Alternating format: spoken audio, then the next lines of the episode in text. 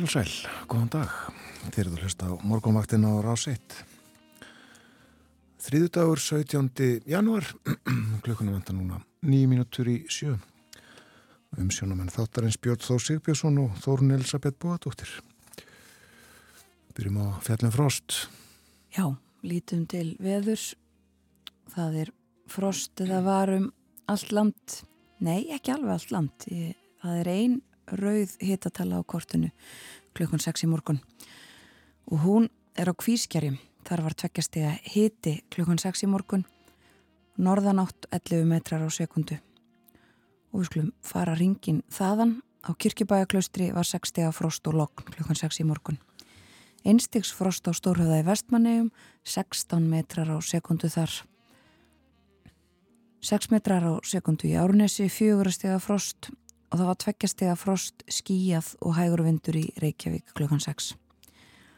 Þryggjastega frost á Kvanneri, einstiks frost og skíjað í Stikisólmi, hægur vindur þar líka.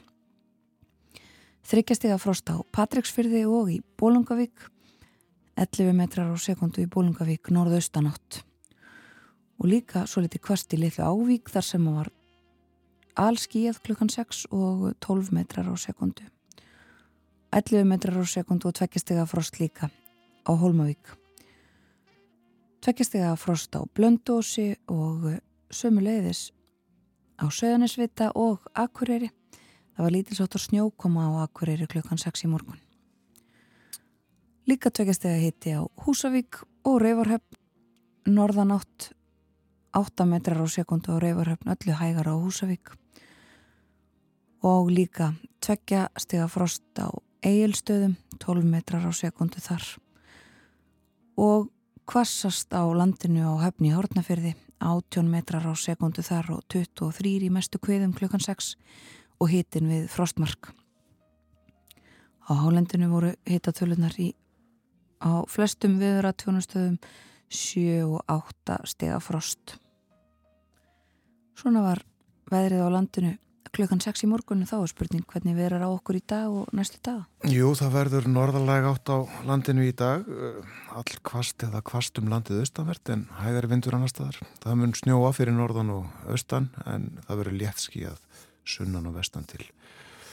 Og vægt frost við ströndina allvíða, jáfnveil víðast hvar en frosti jáfnveil 15 stig inn til landsins. Og það kólna svo á morgun miðugudag verður kaldara heldur en í dag. En hlínar á förstu daginn eins og við nefndum í gær og uh, þá getur orðið jafnvel tíu stíða hitti og helli dempa látum þetta döga það var hálka á göttunum í Reykjavík í morgun. Já. Og uh, er ekki hálka við á við og mér gerir það fyrir því. Það er eru hálka eða hálku blettir á flestum leiðum á Suðvesturlandi. Sum leiðis á Vesturlandi þar er líka snjóþekja sumstaðar þungfært á fróðárheiði og eh, svona er þetta víðast hvarum landið. Snjóþekja hálka eða hálku blettir á flestum leiðum á vestfjörðum. Má nefna að það er e, óvissusteg vegna snjóflóðahættu á syklufarðavegi á Norðurlandi.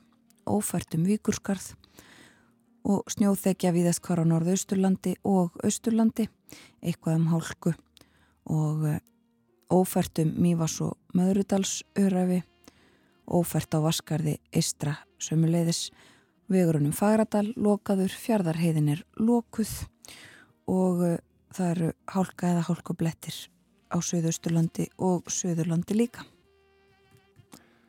Gekk vel í handbóltanum í gerð. Já.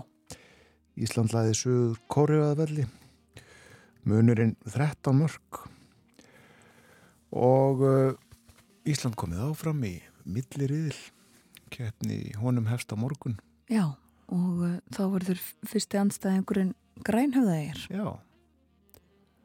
Svíjar svo á förstu dag Brasilia á sundaginn. Já. Meira en þetta setna. Það er komið að því að hlusta á Haug Mortens. Já, ég skal býða þín, syngur hann.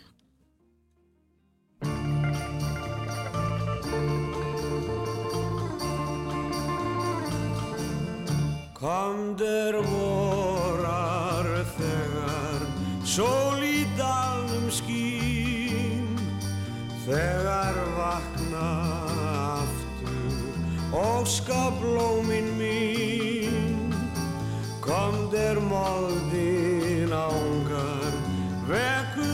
sem grær Lífið fagnandi af hamingu slær Allt það best er á ég, skal ég gefa þér. Alla ást sem brennur, heitt í hjarta mér. Gleði svo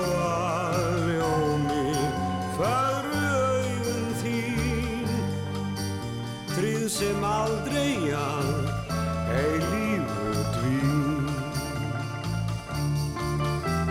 Og tíminn líður klukkan tífar hjartað slæður Ég finna stundin okkar færist óðum nær. Að ósk mín rætist heitust þegar kvílir þú. Aftur í faðmi mér. Komdu aftur til mín Ég skal býða þín Þúsund dag og nætur ef þú verður mín. Þar til ástinn vaknar og í faðmi mér Líf þitt bergmálar við hjarta mér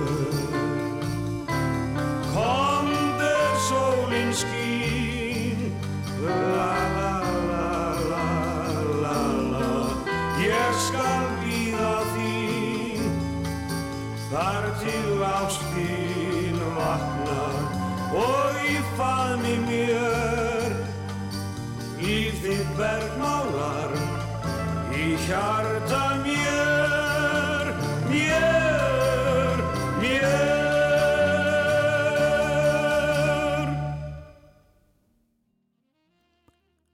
Hauku Mortens, ég skal býða þín söngan. Það líður að morgun fréttum þær koma frá fréttastofunni eftir tæpar tvær mínútur.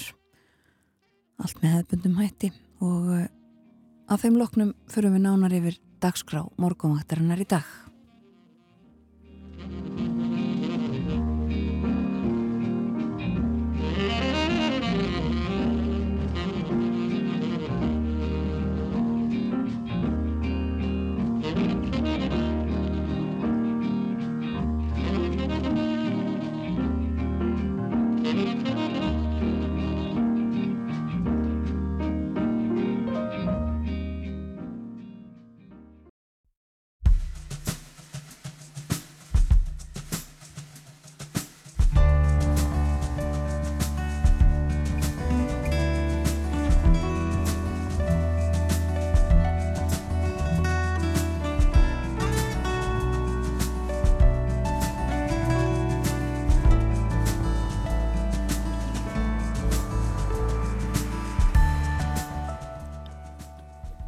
Morgunvaktin helsar og býður góðan dag. Það er þriðju dagur, 17. janúar og klukkan er farin að ganga átta. Og umsjónamenn þáttar eins í dag eru Þórun Elisabeth Bóadóttir og Björn Þór Sigbjörnsson og við ætlum að fjalla um ímislegt í dag. Talsvöldu um peninga, eh, skiptingu eða kannski öllu heldur misskiptingu auðs, þýskmálefni er á dagskrá og, og bakstur líka. Þórður Snær Júliusson, reittstjóri heimildarinnar, verður hjá okkur klukkan halv åtta. Hann ætlar meðal annars að fjalla um nýja skýslu frá Oxfam þar sem framkemur að ríkasta prósent mannkins hafi eignast tvo þriðju alls þess auðs sem orðið hefur til frá því að heimsvaraldur COVID hófst. Sömulegðis kemur fram í þessari skýslu að í fyrsta skipti í 25 ár aukist sárafátækt í heiminum. Nú svo er það uh, brauðið og kökurnar og rekstur bakari en handverksbakaríunum þeim hefur fækkað. Og margir kaupa bröðu sitt í stórmörkuðum. Við ætlum að velta því fyrir okkur hvort ástæða sé til að ætla þessi gamla og góða yðn og starfsemi að baka bröð selja yfir borðið að hún hreinlega hverfi. Tölum við þetta klukkan hálf nýju Artur Björgvin Bodlason verður líka með okkur. Hann segir okkur frá því sem er efst á bau í Þýskalandi og við fjöllum meðal annars um varnarmálar á þeirran sem komst í hann krappan og þurfti að taka pókan sinn í gær. Ímislegt á dagskræði hjá okkur á morgunvaktinni í dag. Förum áður en lengraðir haldið yfir beður horfur dagsins. Og uh, í hugleðingu segi viðfræðingur uh, það verður norðalæg átt á landinu all kvast eða kvast um landið austanvert, annars hægari vindur Jæljagangur fyrir norðan og austan en létt skíðasunnan og vestan til. Og allvíða verður vægt frostuströndina en allt niður í 15 stíg inntillandsins, mínus 15 stíg sem sagt. Og uh, á morgun miðugudag uh, þá verður vindur hægari heldur en í dag og uh, um, drefur úr snjókomunni en frostið herður einhverjum inntillandsins og uh, ég var að fara aðeins aftur yfir færðina af því að það er uh, hálka eða hálkublettir mjög víða.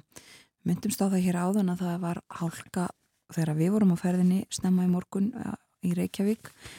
Og það er hálka eða hálkublettir á flestum leiðum á Suðvesturlandi.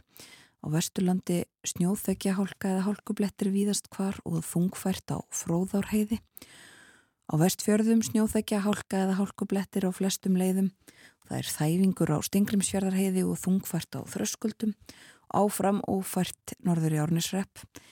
Á Norðurlandi er syklufjörðavegur á óvissustíi vegna snjóflóðahættu og vegurunum víkurskarðir ófær. Á Norðausturlandi er snjóþekja víðast hvar, þæfingur í Ljósavaskarði, á Mývasheiði, Hóvaskarði og á Breknaheiði og það er ófært um Mývas og Möðrudals örafi. Á Östurlandi snjóþekja á vegum víða en eitthvað um hálku, þæfingur í Norðdal og þungfært í Skriðdal, ófært á Vaskarði Istra og áfram líka mynd og það reyndir hafa viða sérst, sérst við vegi. Vegurum Fagradal og uh, Fjardarheiði, þetta eru lokaðir vegir á Östurlandi. Hálkaði hálkublettir svo frá Víkað kvískeri en eh, greiðfærtar fyrir austan segir í tilkynningu frá söðu Östurlandi og hálkaði hálkublettir á flestum leiðum á söðurlandi. Svona er færiðinn og það eh, er hægt að sjá þetta allt saman nánar á fína kortinu á nýjum vegagerðarinnar umferðin.is. Þar sést líka hvar er verið að móka og, og eh, vinna í færðinni á vegunum. Við lítum í blöðin, fórsýðu myndi þeirra teknar í Svíþjóðu ger. Það sem að Ísland lagði Suðu Kóriðu að velli með 38 mörgum gegn 25, þetta var síðasti leikur liðsins og liðana begja í riðlinum og næst, það, næst, næst er það milliriðil svo kallaður þar sem að Ísland mætir grænhauðaegjum Brasilíu og Svíþjóð. Og uh, leikurinn gegn grænhauðegjum strax á morgun. En uh, á myndinni sem sagt á fórsíðu morgunblæðisins eru leikmennliðsins og þeir eru kátir. Sumir reyndar hoppandi kátir eru í lausurlofti en uh, áhærvendur fjölmarkir í stúkunni á fórsíðu fréttablaðsins. Nú Annars er á frétta, fórsíður fréttablasins eh, fjallaði um mengun í Reykjavík í byrjun ás en uh, loftmengun af völdum útblástu spíla hefur aldrei mælst meiri á þessari öld en aðeins tók fyrstu 15 daga þessa ás að fara yfir leifilegt magna heilu ári. Og uh, loftmengunar gildi í Reykjavík hafa 40 sinum farið yfir 200 stíg á þessu ári en samkvæmt reglugjörð umhverjastofnunar með að gildin ekki fara nema átjón sinnum á heilu ári yfir 200 stíg. Lang flesta daga ásins þegar vindreifir eru gildin undir 20 og rætt hér við Þorstein Jóhansson, hann er sérfræðingur í loftgæðum hjá umhverjastofnun og hann segir þetta er öruglega met á þessari öld, mengunin hefur verið í meira en 40 klukkustundir yfir leifilegu mörgum á fyrstu 15 dögum ársins. Það segir frost stillurnar í upphafi á svalda þessari miklu mengun í borginni og nálægum bæjum, rokið vanti og regninguna og í því efni getur menn hort björtum augum til næstu helgar þegar blöytan vindin tekur aftur að leggja yfir landið. Það er fjallað á fórsíðu morgunblaðsins um þessa fyrirhugðu í lögadalum, standur til að byggja þar mikið hús þjóðar höll, korki mérna mérna, sem á að rúma íþróttir og annars konar starf sem er líka tónleika og síningar og eitthvað slíkt. En uh, Hér er rættið Ólafjörn Kárasson, þingmann sjálfstæðarslóksins. Og hann segir, eitt er að eiga sér draumum að byggja hér glæsilega þjóðurhöll og ég held að við getum saminast um það flest ef ekki öll. En það verður ekki gert fyrir en fjármögnunin likur fyrir og hvernig á að reka hana og það er best að byrja þar áður en menn fagna eða gera, gera mikið meira. Og svo er það kindakjötið, fjallega um það líka, en uh, framleiðsla og kindakjötið minkaði á nýliðinu ári og salan jógst. Byrðir innanlands eru minni en þekst hefur, útlitt er fyrir áframhaldandi samdrátt í framleiðslu og hugsanlegt að salan aukist vegna fjölkunar ferðarfólks. Ef það gengur eftir, þá getur byrðir klárast áður en nýtt kjötu verður til í slátutíð á komundu hösti. Gæti orðið kótir eftir löst síðsum að segja í höst. Innmitt. Ég segi ekki meir. Nei. Lítum þá aðeins uh, út í heim. Byrjum á Ítalju í dag. Uh, þar hefur lauruglan haft hendur í hári æðsta fóringja Casa Nostra mafjunar. Guðföðurs hennar uh, Matteo Messina Denaro hann var handtekinn uh, eftir 30 ár á flóta undan réttvísinni hann var uh, í efsta sæti yfir uh, eftir lísta glæbamenn á Ítalju og hafiði verið dæmdur fyrir löngu síðan í, lífstegafangilsi fyrir fjöldan allan af morðum og líka fyrir það að bera ábyrð á mafju stríðinu eh, stríði mafjunar gegn eh, stjórnvöldum á Ítalju og þar voru meðal annars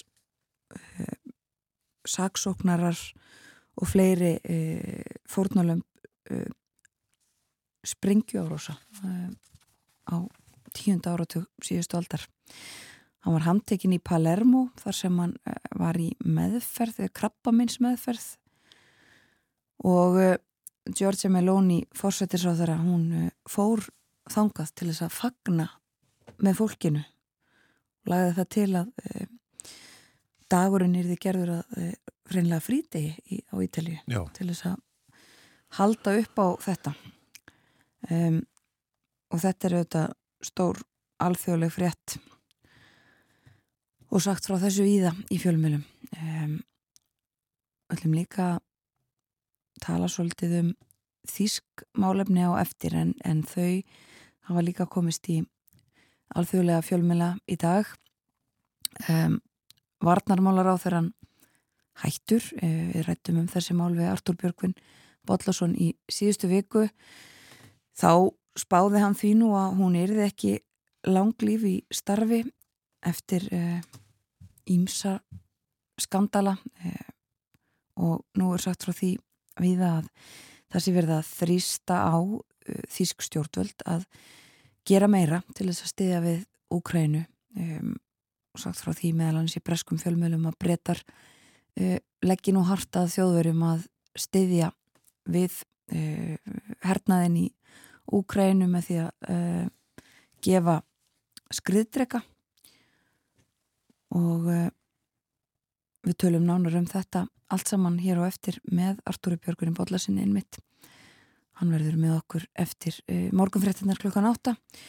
Og svo er það þetta, í fyrsta sinn frá árinu 1961 þá hefur mannfjöldin í Kína mingað. Það eru fleiri sem að letust heldur en fættust og þetta er sérst fyrsta skipti í 60 ár og það eru 6,77 fæðingar verið hverja þúsund manns núna og kynverjum fækkaði um 850.000 í fyrra.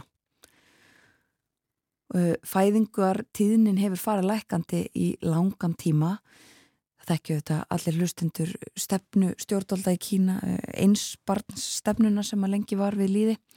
Nú voru sjö ár liðin frá því að þeirri stefnu var hrundið, hún var afnuminn en um, þetta er enga síður staðan. Og uh, sumuleiðis og það sem hefur áhrif á þessar tölur e, í fyrra er það að e, tíðinni döðsfalla e, var meiri, það letust fleiri heldur en e, árein þar á undan. Og þetta er e, krísa í Kína, e, mikið fjallað um þetta og hvernig ég bregðast við þessu og í oktober í fyrra þá setti fórsetin Xi Jinping það á svona sína stefnusgrá og forgangsmála að auka við fæðingatíðina. Það er að ráðast í alls konar aðgerðir til þess að gera það en þetta tengist eh, eða það eru fleiri fréttir frá Kína auðvitað og eh, ekki síst tengslum við COVID nú þegar að búið er að afnema takmarkanir í Kína og eh, verið að hleypa fólki í ferðalög. Það líður að kínverska nýjárinu sem er uh, mikil, ferðalaga, mikil ferðalaga tími í Kína og það eru áhugjur af því uh, hvernig fer uh, þegar kínverjar fara nú á ferðina um, meira en verið hefur undan farin ár, hvaða áhrif það hafi á smittölur. Og svo er það líka þriðja frettin frá Kína sem hefur borist sem er svo að eh, hagvöxtur í Kína var eh, næst minnstur í næstum því halvaöld það sé satt eh, ógs hagkerfið um 3% í fyrra. Það er töluvert undir markmiðum stjórnvalda sem hljóði upp á 5,5% þetta er samt betra heldur en flestir uh, hagfræðingar hafðu gert ráð fyrir. Það er uh, svona það er ímislegt að gerast og gerjast í Kína þessa dagana Það er greinlegt. Nú eins og við sögum frá áðan þá ætlum við að tala um bakstur hér á eftir og við varum að segja stöðu og, og framtíð handverksbakarja Gestur okkar verður Sigurður Már Guðjónsson, hann er bakaramestari og formaður landsamans bakaramestara. Hann er bakaramestari í Bernhöfts bakari. Það er gammalt bakari, hefur verið lengi til, lengi, lengi. Held að það sé elsta bakari landsins og elstu fyrirtækjum landsins. Starfseminn hófstar uh, 1834 og uh, ég sé sögulegu yfirliti á heimasíðu þess að Lengi framan af þá var þar ekkert bakað nema rúbröð, siktibröð, fransbröð, súrbröð og landbröð. Einnig voru bökuð rúnstikki eftir pöntun sem á baka var hartbröð, skonrogg, tvíbökur og kringlur. Af sætabröði var framan af ekkert bakað nema þá hunungskökur og þurrarkökur, svo nefndar tveggja öyra kökur. En í kringum 1840 var fyrst farið að baka vínarbröð og bollur og svo júst vöru úrvalið. En eh, já, saga Bernhöfts bakarísins er laung og næri eins og áður sagði aftur til ásins 1834 og uh, í morgunblæðinu árið 1931 var grein sem að uh, eh, rítu var í tilefni af 70 afmæli Daniels Bernhöfts bakara og uh, var svolítið skemmtileg sagði henni alla sína löngu starfsæfi fram á þennan dag hefur hann starfað í hennu alkunna Bernhöfts bakari sem er eittið elsta atvinni fyrirtæki bæjarins. 16 ára gammal byrjaði hann að vinna í bakaríinu og uh, í nálega halva öll hefur hann rekið þetta elsta bröðgerðar hús bæjarins. Fáskiptin hefur Daniel Bernhöft verið um öll málefni utan verkarhings síns en vinsæl með afbreyðum meðal allra þeirra er honum hafa kynst en það ljúmenni hefð mesta. Ungur varðan að taka við stjórnfyrirtækisins að föðu sínum látnum. Sívinnandi hefur hann verið síðan allt fram á þennan dag. Á þessum tímamótum æfi hans verður svo breyting að hann flytur úr gamla Bernhöftsbakari. KFM hefur keift eignina fyrir stórhísi sitt. Bernhöftsbakari verður nú flutt á Bergstaða stíg 14 þar sem reyndal var áður. Og uh, þá er þetta þess að geta að uh, bakarið uh, var auðvitað það sem við þekkjum núna sem bankastræti og það flutti já á uh, berstaða stíg við þekkjum þá götu betur sem berstaða stræti en KFM hafði já keift þarna og ætlaði að reysa stórhísi en það var ekkert úr þeim framkvæmdum. En áfram með greinina. Í nálega 100 ár hefur Bernhöfts bakari staðið þar sem það enn er. Þar var fyrst Afi Daniels Bernhöfts þýskumadur er hingað fluttist og síðar fadur hans. Svo ríkt var þetta elsta bakari í huga bæjabúa að stígurinn upp frá læknum hétt bakarastígur. Og þó gatan hafi síðar verið skýð bankastræti vegna þess að þarna var landsbankinum hríð þá heitir brekkan í daglegu tali bakarabrekkan. Þegar Bernhafts bakari hverfur úr brekkunni ætti bæjastjórnina láta undan málvenjunni og skýra bankastræti bakara brekku. Á sinnhátt eins og bæjastjórn hefur skýrt hérna nýju götu á hafnar uppfyllingunni gróf til ábendingar um hitt gamla báta uppsátur sem að þar var. Það er viðfeldið og þjóðlegt að nefna götuna brekku svo nafnið sem um ára tugi hefur verið bæjabúum tamast fáið að haldast á þessari fjölförnustu brekku bæjarins. Svona skrifaði morgumblæðum Daniel Bernhöfts bakara, sjötugan bakari, Bernhöfts bakari. En uh, bakarinn þar í dag er hins vegar Sigurður Már Guðjónsson og hann verður hjá okkur klukkan hálf nýju. Fleira á þessari blaðsíðu sem ég brentaði út úr morgumblæðinu frá 1931 sem er skemmtilegt.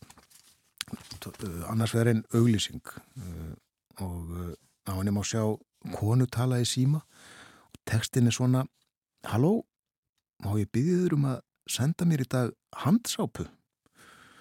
Og svo ymdum við okkur að það er svarað hvaða tegund. Og konan segir palmólíf. Það verður alltaf dríksta og besta handsapand sem þér hafið til í vestlunniður. Búin til úr bestu efnum. Fæst allstaðar.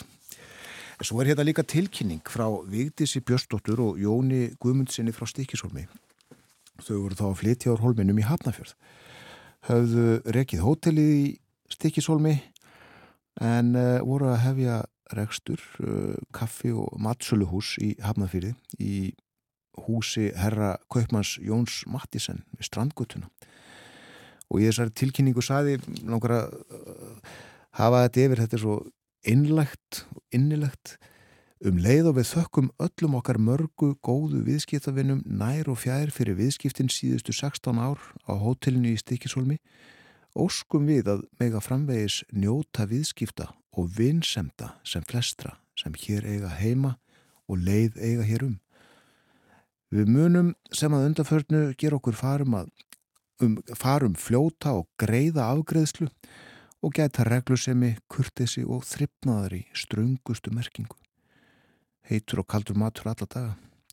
Pantanir móttaknar fyrstum sinn í síma nummer 101. Fengu gott nummer, Vigdís og Jón. Aldelis gott nummer. En uh, aðeins að deginum í dag, Já. það er eins og við myndumst á í gerðmorgun, uh, ekki fundað á alþingi fyrir enn í næstu viku, þar að segja fundir alþingis hefjast á mánudag í næstu viku en nógum að vera svo sem engar síður og nefnda dagar næstu daga og uh, það er, eru uh, sex fundir í nefndum í dag auk þess sem að það er fræðsluferð. Umhverfis og samgöngunem þingsins er í fræðsluferð í Breitlandi það reynir tíu þingmenn sem eru já, allir þessu ekki bara leið til Breitlands núna allavega ferðin stendur frá því í dag og, og fram á förstak Já, kemur fram í morgunblæðin í dag að nefndin hún ætlar að kynna sér orkuskipti, lofslagsmál stjórnum þjóðgarða og samgöngumál í bæði Skotlandi og Lundunum. Já. Kostnaðið þingsins áallar er 3,6 miljónir. Og eh, öllu ódýrari líklega fundunir sem að haldnir eru í öðrum nefndum í dag. Það er fundað í efnahags- og viðskiptanemnd, atvinnuveganemnd og allsærir og mentamálanemnd eh, núna klukkan nýju. Svo er það velferðanemnd, stjórnskipunar og eftirlitsnemnd og fjárlaganemnd sem ætla að funda eftir háttegismatt. Já. Og svo eru þrýr skólar á leiði heimsókn í þingið. Tveir leikskólar og svo nefndur í hagaskóla að koma á skólaþing. Ímislegt á segið og alþingi sem sagt. Það er mynd uh, í fréttablaðinu í dag af uh, Ólaf Ragnar Grímsinni og John Kerry. Hún tekin í uh, gær en það fer fram þing mikið, heimsþing reytnar orgu, fer fram í Abu Dhabi. Segir hér það var létt yfir umhverfis erendreikunum John Kerry og Ólaf Ragnar Grímsinni í gær. En í morgunblæðinu í dag er hins vegar mynd af Daví Ótsinni og George Bush. Já. Þannig er að Daví Ótsson á ámali í dag, hann er 75 ára og af því tilhengni rítar Hannes Holmstíð Gissurarsson, professor í stjórnmálarfræði grein í morgunblæðið, hilsíðu grein um uh, Davíð og uh, yfirskriftin sérstaða og samstaða tveir ásar Íslandsugunar og þannig eins og áður saði mynd af Davíð og Bush og það má líka sjá mynd af Davíð og Hannes Fór Rasmussen frá því að báðir voru fósættisráðurar annar Íslands og hins hinn Danmerkur. Við leipum fréttastofunni að með yfirleitt morgunfrétta og að því loknu ræðum við um efnahagsmál og samfélagsmál við Þórsna Júliusson.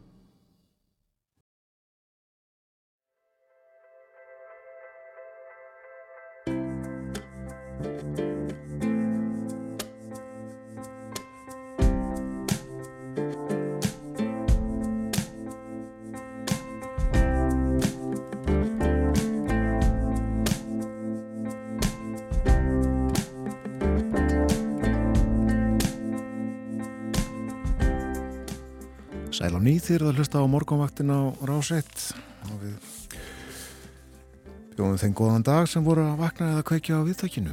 Það er þrýðu dagur í dag komin 17. janúar um sjónamenn þáttarins þennan morgunin Þórin Elisabeth og Björn Þór.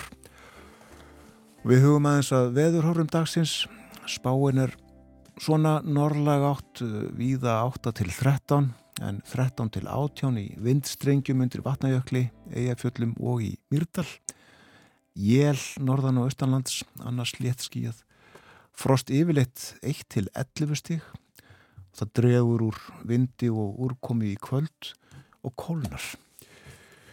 Og á morgun norðvestan 8 til 13 austast, annars hægari norðlega breytilega 8 dáli til jél fyrir norðan og austan en áfram bjarti veður annar staðar og frostið á morgun að 15 stígum. Svo á að hlína og jafnvel tíu steg að hiti í kortunum á förstu daginn og grenjandi rikning sínist með sumstæðar. Ég minni á Artur Björgvin Bodlason verður með okkur eftir morgun frettnar klukkan átta.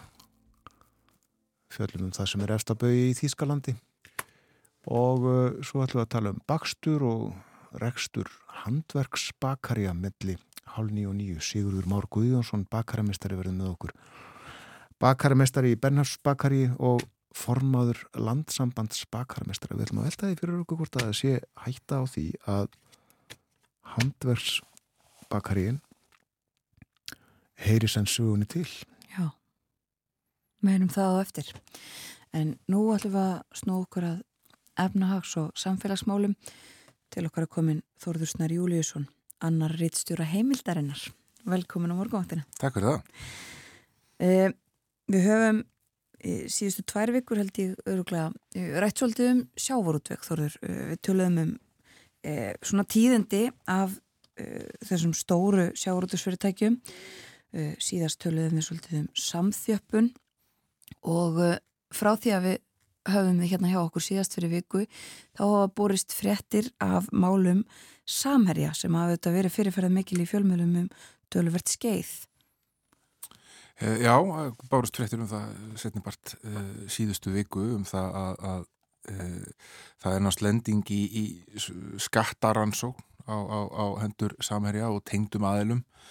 Og uh, það er náttúrulega til þess að revja upp þá hóst slík skattaransókn samhliða ofinberun á umsum samherja og, og aðtæfi í Namibíu hér síðlást 2019 og uh, hófst þá fyrst hjá ennbætti skattaransónastjóra sem hérna, síðar var lagt niður svona í miðri á og, hérna, og, og þá færðist málið yfir til hérasaksóknara sem uh, senkt á síðasta ári uh, sendi málið aftur tilbaka til skattsins og skatturinn læði þá tilu fyrir samherri og sagði bara hér eru það sem við teljum að því að það tali langt, langt fram.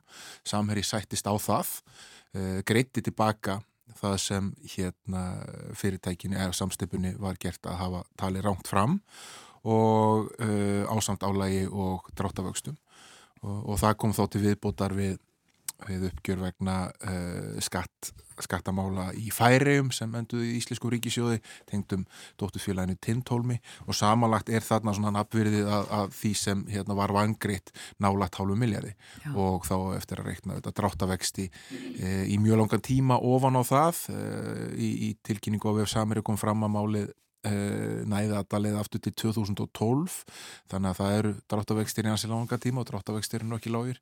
Þannig að það má alveg gefa sér það að uppæðin, heldar uppæðin sem er greitt þarna að sé uh, herri en, en þetta og umtarsvett það. Uh, jafnvel þannig að hlaupa okkur um 100 miljóna þannig að hérna uh, þar með líkur þessum ánga samherja málsins með því að að, samstæðan taldi fram tekjusjónina nýju og greitti allt það sem skatturinn gerir gröfu um mm -hmm. og með því við kenna þá að, að það sem var til rannsóknar og var þarna undir uh, hefði ekki verið svo það átt að vera og uh, áfram heldur síðan uh, svona sagamála hlutin á þessu sem snýrst að, að rannsókna á uh, mútugreislum, peningaþvætti og fjórsveikum í tengslum við nambjústarsminn og alþjóðlega starfsemi samarja. Já og það er enn í, í gangi og við vitum, eða vitum við eitthvað, er eitthvað frétta að vænta þaðan, svo við vitum?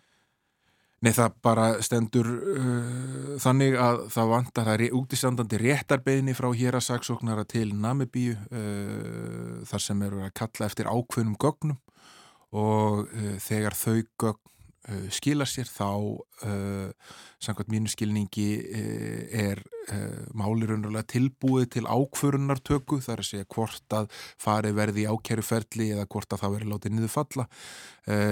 Og það eru væntinga til þess að það gerist bara svona, mjög snemma á þessu ári einhvern tíma á næstu viku með mestarlega í mánum að þessi gögg skilir sér og þá verður slík ákvörðun tekið. Já. Það eru ekki breyst annað í stuðinu, það er ennþá nýju einstaklingar með stöðu sagbórnings í þeirri rannsókn uh, og þessi niðurstaði í skattalutanum hefur engin áhrif á það. Færum okkur um sett uh, frá samherja og um, í alþjóðleg efnahagsmál stö, stöðu heimsins alls uh, það koma reglulega þessar skýslur frá Oxfam uh, sem að taka saman alls konar mjög aðteklisverðar staðrendir um efnahagsmál heimsins og einslík skýsla komum og byrti í, í gær ef við ferum rétt með og þetta er samhliða þessari ráðstefnu já, elitunar eins og talaðu verið um í Davos.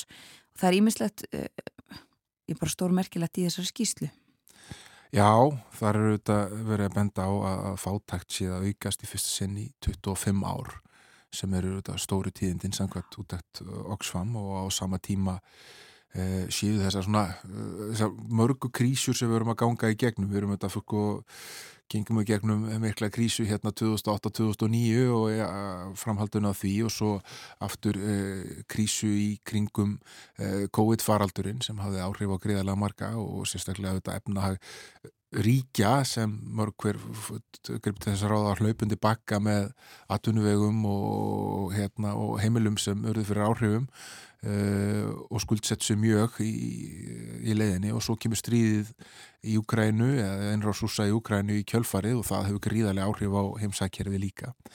Og það sem Oxfam er að segja að þú veist þrátt fyrir þessi þróun, þessi neikvæða þróun að fátat sé að aukast fyrst sinni 25 ár sé þessi stað þá er hins vegar uh, sigurvegar í þessari greppu, hinnir allra ríkustu eru að verða eins og þessi að dramatíst en ríkari. Já. og uh, fyrirtæki hagnaðar eru að fyrirtæki, stórfyrirtæki í heiminum er að skila methagnaði. Og, og, og þar með eru að aukast raunverulega mismunni að munurinn á milli þeirra sem eiga minnst og þeirra sem eiga mest. Alveg gríðarlega. Uh, í skýslu Oxfam kemur fram að síðan 2020 hafi ríkasta 1% í heiminum uh, tekið til sín um 2 þriði af öllum nýjum auði. Já. og það er næstu í tvisasunum meira en uh, hinn 99% skiptu með sér. Uh, auður uh, miljardamæringa hefur verið að aukast um 2,7 miljardar bandaríkjadalar á dag. Og hérna uh, matarframleiðundur og orkufyrirtæki hafa meira en tvöföldað hagnasinn á síðasta ári og, og greitt út um 257 miljardar bandaríkjadala í, í hérna til uh, sinna hluthafa. Uh, svona þemaðið í skýslu Oxfam er það að það þurfi að skatleikja þá sem hafa mest meira eins og var gert hérna á eftirstrís árunum sem uh, í skýslu Oxfams er, er haldið fram að sé svona uh, eitthvað mesta framþróunar tímabil, efnarslegt framþróunar tímabil í manginsögunni uh, og bend, bend er á að, að um fjögur sent af hverjum dal sem skilir sér í, í, í skatt komið frá frá, komið frá uh, svona fjármastekju skatti Já. og, og hérna og uh, helmingurinn af miljardamæringum uh, heimsins búi í, í, í löndum þar sem er engin erðafjárskattur uh, þannig að þeir geti fært fjármunna sína til badna eða annara sem, sem erfa þá án þess að þurfa að greiða neitt að því og Það hefur verið að hérna, svona, leggja til í þessar skýslu Oxfam eru þetta með mikla meiningar. Já, já, við skulum ekki hérna, draga henni dulið við það að, hérna, að þetta þurfu ekki að vera svona. Það sé hægt að innliða hærri skatta á þá sem eiga mest og, og hægt að innliða erðafjárskatta og það er rifjað upp að, að, hérna, að, að á fimm- árunum 1951 til 1963 hafi uh, svona uh, hæsta skattripi verið í bandarækjum 91% uh, og þá hafi sko erðafjárskattur verið 77% í bandarækjum til 1975 og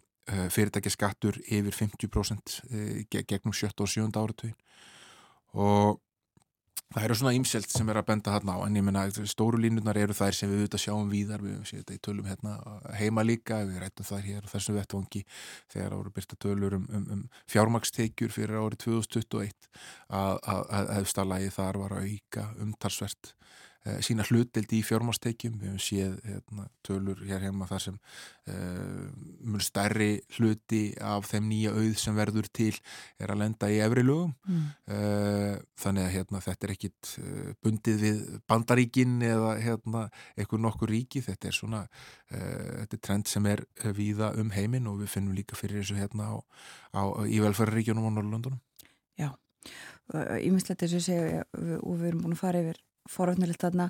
Það er líka tiltekið sko að það væri hægt að setja skatt á þessa uh, allra ríkustu um, 5% skattur myndi duga til þess að lifta tveimur miljörðum manna úr fátækt.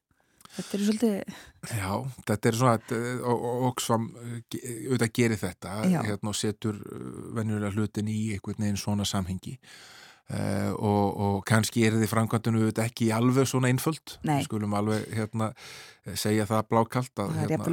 Já, bara eiginlega mjög ósennlegt uh, en, hérna, en þetta sýnir samt sem áður uh, svona kannski hvernig hvers konar ójafvægi er komið í kerfið eftir að, að, að svona eftir, eftir að við höfum reykið mjög harða alþjóðavæðingu í nokkra áratvíi og sem hefur auðvitað haft mörg jákvæð áhrif þá þegar svona herðir að út að við erum auðvitað búin að fara í gegnum þrjármikla kreppur núna á skömmum tíma þá hérna verðist alltaf vera þannig að þeir sem koma vest út úr því er þeir sem minnst hafa og einhvern veginn tekst hinnum sem eru í efsta læginu og að sigla í gegnum þetta og jafnvel taka meira tissinni þegar það gera áður. Já, og svo líka fjallaðum uh, lofslagsmálinn í þessu samhengi sem mm. eru auðvitað líka orðin stór breyta í, í uh, miðskiptingu auðs. Það að ríka fólkið er líka uh, menga meira.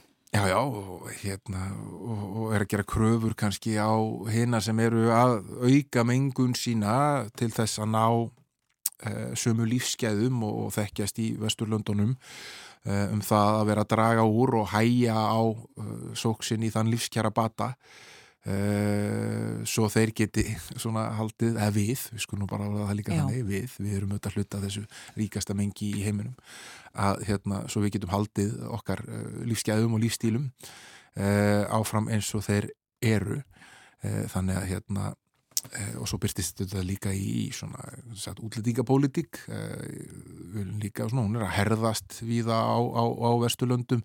Eh, svona meiri vilji innan samfélagi til þess að halda þeir sem koma í leita betra lífi fyrir utan löndin til þess að verja einhver gæði og hérna, þannig að þau þurfa ekki að deila þeim. Mm. þannig að þetta hefur marga byrtingamöndir Já.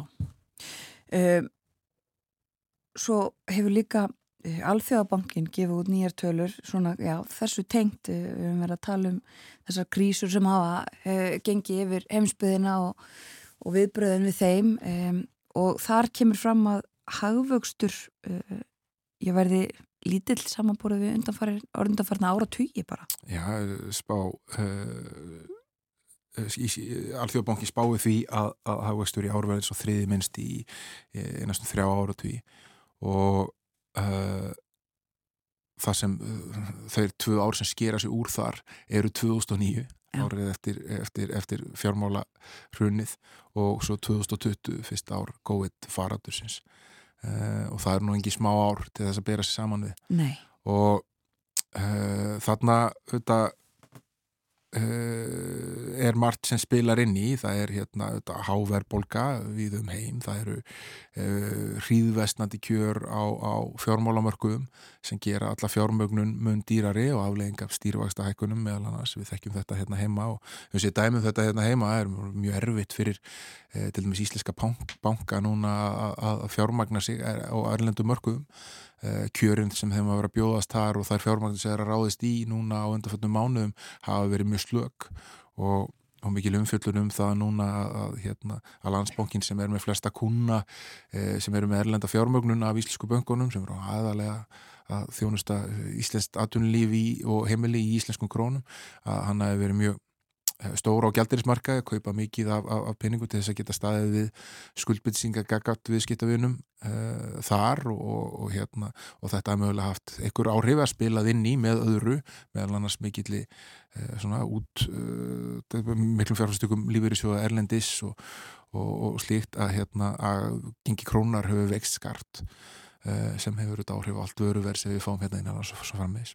Þannig að hérna, þessi spá Eh, alþjóðbankans er, er uh, alvarleg og það er þungi í henni. Mm. uh, og stóra breytan er auðvitað áfram sem áður stríðið sem geysar í Úgrænu og áhrif þess á heimsbúskapin og ef að ef að það sér ekki frendan á því sem það virðist ekki gera þá munu efnaðslega áhrif þess strísrekstrar verða áfram alveg gífuleg Já hvernig uh, lítur þetta út hérna? Uh, við vorum að fá líka, er það ekki, eða þessast greining frá fjármála og efnarsráðunitinu á svona stöðu heimilanna og stöðu mála hér?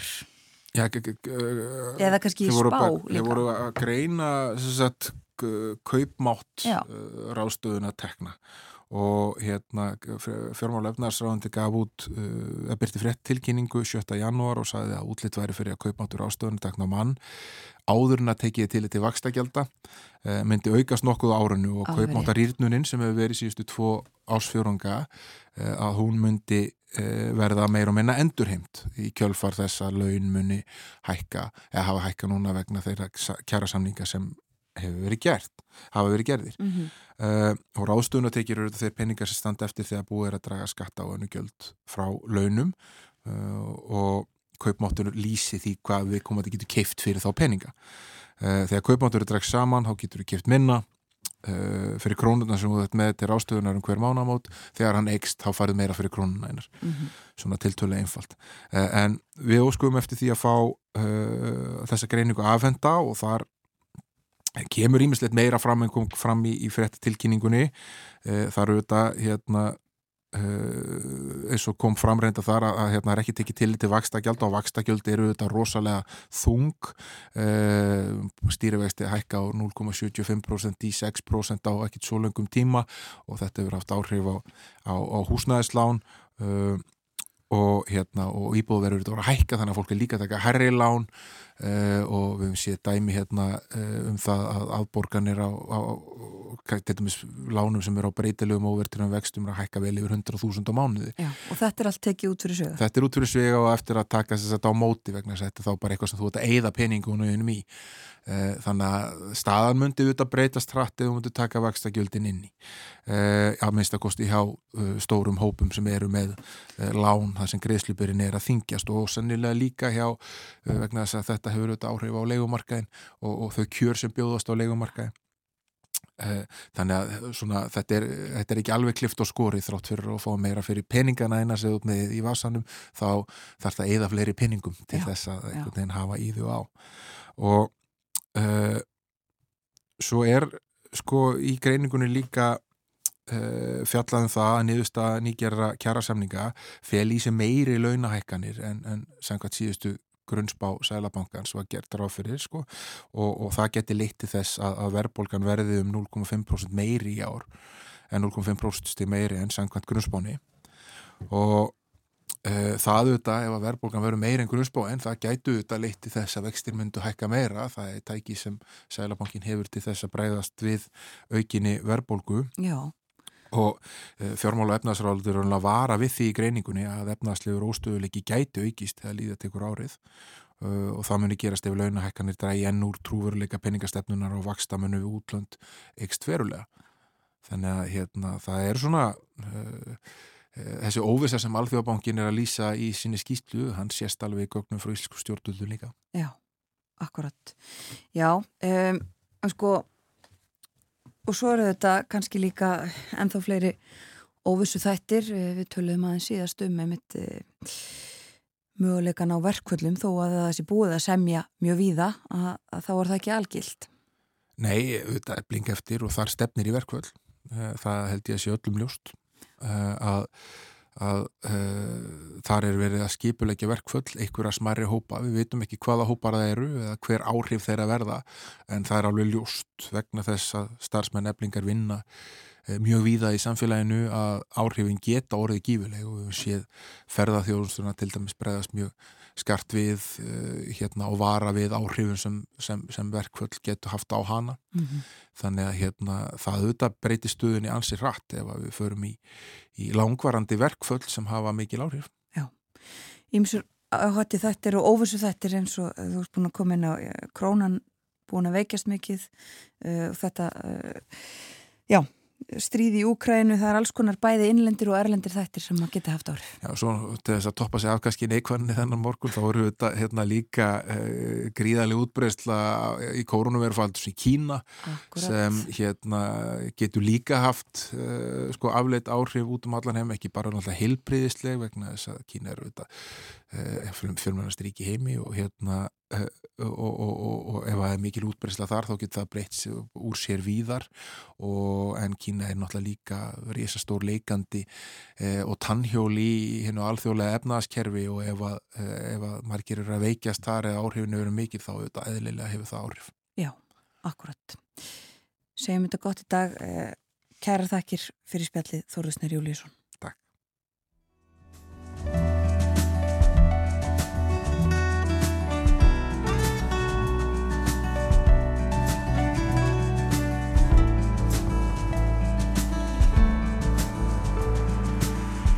Það stýttist í frettinnar hjá okkur hér á morgunvaktinni. Eftir þær verður Artúr Björgum Bodlason með okkur. Berlínar spjall á sínum stað á þrýðu degi og uh, milli hálf nýju og nýju ætlum að fjalla um bakstur og handverksbakari stöðu þeirra. Og bakara yðnina hjá okkur verður Sigurður Már Guðjónsson, hann er bakaramestari heitt svo besti, ekki bara á landinu heldur í heiminum. Hluta alþjóðleg verðlaun í haust. Kökugerðamaður ársins, hvorki meirinni minna Sigurðum ár hér uh, upp úr hálf nýju.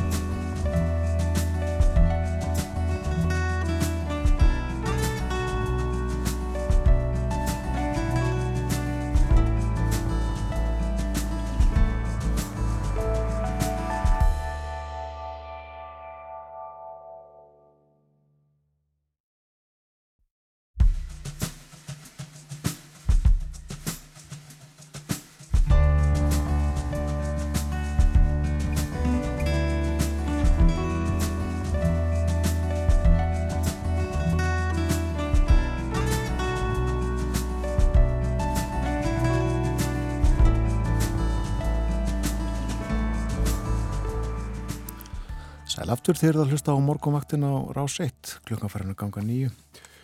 Það er þriðu dagur í dag, 17. janúar, svona fyrir ykkur sem voruð að vakna á og eruð svona átt ykkur á lífn og tilvörinni. Kolniða myrkur auðvitað þá úti. En uh, dagurinn lengist um örfáðar mínútur á hverjum degi. Það er að segja uh, þeim fjölgar andatökunum þar sem bjart er og uh, þannig er gangurinn í þessu. Já, kolniða myrkur hér en uh, allir þessi orðið Bjart í Berlín, við erum komin í samband við Artur Björgun Bodlason, heil og sætla góðan dag. Góðan daginn, já, hér er löngáli Bjart það er, segja, það er svona hátt í klukkutími það sé að byrti hér og uh, sólskinn og sunnanvindur eins og segir í gammalli sögum. Já, nefnilega Við ætlum að byrja að tala um stjórnmálin Við uh, heyrðum að því fréttunum í gæri að uh, varnamálar á þeirran þýski þurftu að taka pókansinn. Já og það sæti nú alltaf þó nokkur tíðundum þegar ráð þeirra í Ríkistóð Þískalands uh, verður að segja af sér. Af þessu kom þetta nú ekki mörgum á óvart að Kristíne Lambreitt varnamálar áður skildi taka pókansinn því að fjölmyrður hafa lengi verið með hann í siktinu, reyndar nokkura vikur eða nokkura mánuðum að segja og uh, hún var talin orðið mjög völd í sessi, hún var sérfræðingum um hermál, talin vera ja, bara vanhæf til að gegna þessu embætti. Og frá yfirmönnum í hernum, þýska hernum, þá heyrðust það rættur um að þekking hennar á hermálum eða vardarmálum væri afar fátakleg og auk þess var til þess tekið að hún næði ekki nefnir sambandi við fórustumenn hersins sem væri mjög slæmt því að það er ju mikilvægt og lítur að vera fyrir, fyrir þann sem er þessu embætti að vera í góðum tengslum við herrmáli yfirvöld og, og svo bættist við þetta sambandsreisi að uh, Lambreitt var sökuð um aðskins afglöp í starfi uh, var til þess tekið hún eftir til að nýta til dæmis farkosti hersins til þess að flytja sjálfarsvið á stæðu þar sem hún ætlaði sér að slaka á og njóta orlofs. Og Það sem meira var, til dæmis, það var fræg ferð sem hún fór með herrþyrlu, eða herrlu þíska hersins á eiguna suld eftir að hafa farið á fund í Norðu Þískalandi og með í þeirri fræðuðar för var sonur ráð þeirrans umlega 20 drengur og, og hann mun hafa setið stundum í þillunni þegar hann var verið að flytja hann svona í enga erindum og á þeirra með, með manns í enga erindum og þess vegna fekk nú Lambritt viðunefni helikoptermutter, þetta er natsjón eða þyrlu mamma þjóðarinnar. Og, og í það heila má segja að uh, síðan hún tók við ennbætti varðanmálar hafi allt gengið á aftofótunum í málefnum hessins og, og sjálfs tilkynnti fyrir árið síðan sem dæmi að Þýskastjórnin ætlaði þeirra að setja hvorki meirinu meir en 100 miljardar evra í að endur nýja Þýska herin. Eh, hins vegar hefur ekki gest síðan það varð og Lambreitt verðist ekki hafa, það hefur ekki sko, neittað henni í þeim efnum, hún hefur ekki, hún hefur ekki gert neina ráallanir að því verðist vera og, og hefur engur komið í verk. Og það er hins vegar aðvillisvert að að uh, hún brást þannig við að hún sendi frá sér yfirlýsingu í gær þar sem hún tilkynnti það að hún hefði segja af sér eða væri búin að segja af sér og uh, þar var ekki neitt yðrunar tótt heldur sagaði hún fjölmiðla um að hafa verið elda svo mikið við sig og sína personu og verið með hann á heilarnu þannig að henni var ekki stætt á því lengur að verið þessu embætti þegar hún vildi ekki gera hernum neitt skada þannig að þetta koma þarna einhvern sem væri óumdeldar en, en hún játaði ekkit einasta afglap eða, eða neitt slíkt í þessu og svo má kannski líka nefna að eh, hvernig það, hún varður á þeirra sem tíma fyrir rúma árið síðan þegar Þíska ríkisjónum var myndur eh, þá var hún á leiðinu út úr pólitík eh, eftir síðustu kostningarnar og hún ætlaði sér ekkert að, að hafa sér frem og var domsmálar á þeirra í ríkisjónum Scholz og Merkel og hafði eiginlega líst í yfir að hún væri bara alltaf ekki að fara meira í ríkistjón. En þá var hún döpuð upp í ennbætti varnamálar á þeirra og ástæðan var hérna svo að uh, Ólaf Scholz kanslari, hann hafði heitið því að ef að hann erði uh, kanslari og, og, og myndi mynda nýja ríkistjón, þá myndi hann hafa jafnbreðið með konum og körlum í stjórninni og það var mjög erfitt að finna konu í þetta ennbætti þannig að hann bað Lambreitt að taka það að sér og Þar með til dæmis gekk hann fram hjá mönnum eins og Lars Klingbeil sem er annar formana jafnaðamannarflokksins og bæðið sonur yfirmanns í Þíska hernum, alveg upp í hernum og segja, mm. og sérhæður í varnamálum. Og uh, þá er það náttúrulega stóra spurningin sem að brennur á öllum þessa dagana, eða þennan daginn skulum við segja, sem að fylgjast með þjóðmáli hér, hver tekur við af landbreytt. Já, og bóðlaleggingur um það vantarlega blöðum dagsins. En það verður ekki lengi vegna þess að Scholz lísti því yfir en það er búið að kvistast allavega út uh, að hann muni tilkynna núna á eftir eða í, setni dag hver verði næsti varnamálar á þeirra Þískarlands og uh, menn spyrja sig sko verður það annur kona? Heldur hann þetta lofur sitt um að hafa jafnmarka konur og kallaði stjórninni? Mun að hrókera stjórninni?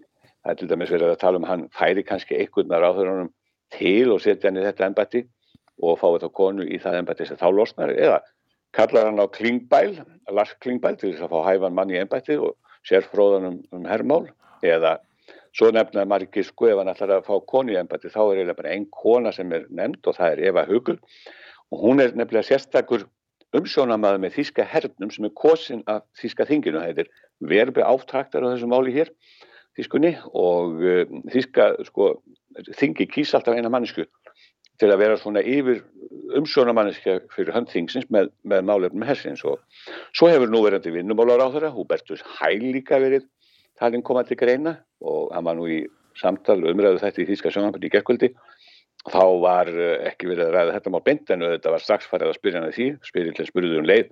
Og þáttur við byrjaði allar þú að taka veðbættur verður þú næstu varnumálar á þeirra og hann fór undan í þessum uh, fræga flæmingi sem allir stjórnmálamenn gera á svona stundum og sagði, já það er náttúrulega ekkert ljóst og ég er ánæður í ennbætturinn mínu. Já það er ekkert svar, sagði spyrillin þá. Og ánæður ég spyrjaði þessu, já það er ljóst að ég fyrir ekki tilkynna það á undan sjálfsýr í sjónvarpi það þýr ekki að tala um þetta mál. Þú veiðum ekki nefnir gildur í það því hann er náttúrulega mjög rendur og búin að sko forðast allar gildur og þekkir það allar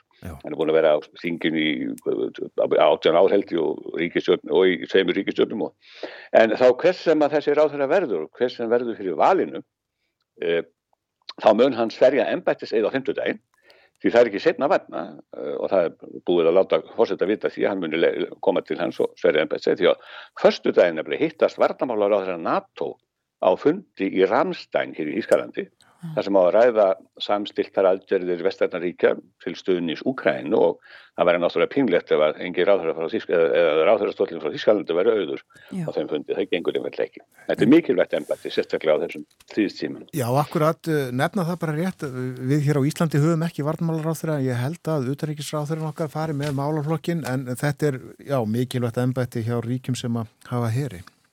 Já, Já mjög mikilvægt og sérstaklega núna eftir uh, þessa árás uh, rúsa í Úkræðinu á sínum tíma og eins og heimurum fylgist ju allir með því hvernig vestfæðan ríki er að stýða við bakið á Úkrænumannum og þar gegnir Þískaland uh, líkilhlutverki eða ætti að gegna líkilhlutverki nú hafa við nefnitt uh, fundið þessari blessuðu konu sem að saði nú afsýttir fóráttu að, að hún hafi ekki rægt það hlutverk sem skildi því að uh, það þannig gerði við kannski alveg upp það sem hún gerði en en hennar stóra framlega á sínum tíma til, eh, til stuðnís úkræðunumanna var að senda 5.000 hjálma til þeirra og eh, með að við allar þar skriðir eitthvað sveitir sem að önnu ríki hafi verið að senda það þá hefur þetta verið talið svona frekar slægilega framistæða og þar ber hún auðvitað vissa ábyrðin mm. en kannski er núna að koma betri tíma blóm í haga og nýjan, nýjan mann sem að, eða konur sem gerir meira. Já, við sögum einmitt frá þessu í morguna uh, úr erlendum fjölmjölum að það væri einmitt verið að þrýsta á þjóðverja að, að koma nú með skriðdrega til Úkrænu, að verum sérstaklega brettar en þetta kemur mentilega þá allt í ljós á þessum fundi varnamálar á förstu daginn þar sem þetta verður rætt. Já, það sem er með skriðdrökun sem minnast að það er nú heilmikið mál vegna þess að eh, margir af þeim skriðdrökun skilsmir sem að annur rík er að senda, annur Európaríki eru smíðaði hérna í Þískanandi. Já. Þannig að uh, það þarf í rauninni, þetta er svolítið flókið, það þarf alltaf leiði þjóðverja fyrir því að þessi sendi til Úkræðinu. Þetta, þetta er óskaplega snúið mál. Akkurat, akkurat. Um, við höfum áður uh, fjallaðum uh, þorp nokkurt og baráttuna um það lús, lúserat, hvernig bar maður þetta fram? Þú ætlar að segja okkur frá þessu Lutserat Já, þetta er þetta skrifna um með tveimu punktum yfir sem er verðt fyrir þýskunum Lutserat. Lutserat. Já, við höfum minnst á það áður en, en nú eru tíðandi þaðan. Já, það hefur nú held ég bara verið í frettum á Íslandi, ég sá þá netun að, að það verið búið að rýma þetta þorp og það auðvitað mikil átök uh, millir lauruglu og þeirra sem hefðu hernuð með þorpum á sig að sest þar af og uh, það hefur allt komið fram í frettum heima og, og nú verður sem sagt eftir að rýmingin hefur áttist það verður hægt að fara að vinna þarna brún kól sem eru í, þarna, í jörðu undir þorpinu. Til þess að aðeins að bregða byrtu á þetta mála að þá uh, var það orkufyrirtæki RVI sem heitir á þýsku uh, Rænis Vestfélisus Elektricitetsveg svo höfum við þetta á upprunnulega málu það samti sem sagt við stjórnvöld, stjórnvöld um að jafna nokkur þorp í fylginu Norðurín Vestfælju við jörðu til að komast í brunnkálunamur sem eru faldar undir þessum þorpum. Og eh, þetta er til þess að síðustu árum hefur fjöldi íbú á þessu svæðu orðið að taka sig upp og flytja búferlum á aðra staði í fylginu þar sem að þeim var útlutað húsnæði í staðin og þetta hefur eh, verið mjög illa séð af umhverfis aðgerðasinnum en það ljóst að kólavinnsla er ja, mjög mengandi uh, fyrirbæru og hún mun leggjast af hér í Þískalandi sangkvæmt samkómulegi, sangkvæmt ákvörðin stjórnvalda fyrir lok þessa áratugar. Auk þess að hafa margir verið gramir við því að það sé verið að rýfa fólk svona upp með rótum og, skipa því að yfirkefa heimkynni sín þar sem að kannski á langa ættasög en það er nú annar mál. En eins og sko íbúðarnir urðu fyrir þessu mikla raski vegna kólanámanna og þeir sjálfur, þeir hafa ekki endilega haft sér mikið frammi því að e, það fer sögum að því að þeir hafa fengið mjög vænar miskabætur fyrir þessar raskanir á, á, á þeirra lífi sem auðvitað út af þessum máli og, og hérna að orkufyrirtæki hefði greitt þeim háarfjárhæði, þetta er náttúrulega gríðarlega miklu peningar í spilinu. Þannig að þeim hefur verið umbuna vel fyrir að koma sér í bustu frá sínum heimkynum og, og svo var þetta sagt, allt gert til þess að til dæmis eins og þorpið Lutzera, það var síðasta þorpið í þessum, uh, þessari sirpu sem að átti eftir að rýma og þetta voru því mikið að rýma því að íbúðarnir voru mjög mjög farnir allir, allir farnir. En umhverjusendar sinnar, umhverjus aðdera sinnar settust þarna að og komið svo fyrir í trjám og, og, og, og jafnvel undir jörðinni og þetta stóði miklu basli og stóð mikil styrjum þetta síðustu vikurnar. Uh, og svo er lauruglan sett í máli og látt hinn rýma þorpu og fjarlæga þá síðustu burtu. Og nú fyrir helgina mætti sjálf Greta Thunberg þarna og uh, flutti tölu. Þannig að sem bendust náttúrulega aðvikli fjármiðla mjög sterta þessum, þessum bæ. En nú eru sem sagt síðustu umhverfis aðgerða sennarnir hornir og voru fjarlæðir bara í, í fyrradag. Og það var fólk, það voru tveir eftir í lokinu, þeir hafðu grafið sig honni í jörðinni eða farið í einhver göngkarna undir jörðinni og, og voru þar, hýrðust þar í marga daga. Þannig að það var mikil hugur í fólki. Já. en uh, þetta er náttúrulega sko svolítið erfitt mál fyrir græningina sérstaklega. Því að uh, þeir eru jú sprotnir úr þessari reyfingu og það er ekkert langt, það er mörg á síðan að, þeir voru þarna, hafðu svo mikið frammi þeir átt að reyðja þarna skóg uh, í sama tilgangi og, og búið til kólanámi þar og, og þá voru græningar hangandi öllum trjám. Og, og hérna og festandi sér við alltaf gerðingar þannig að, að, að þetta er ekki þægild mál fyrir þá að standa nú fyrir þessu vegna þess að Habeck, Robert Habeck umhverjusáðara og umhverjusáðara fylgisins Norður Rínar Vestfalju sem er líka í græningi þeir gerðu þetta samkómurlag við orkufyrirtækið um að rýma öll þessi þorp og, og að rýma Lutzerat og eins og gefur að skilja þá eru margir í flokki græningja, í græningaflokkum ósattur við þessi, já, þessar aðfærir og þessar aðgerðir sínar fórustu mm.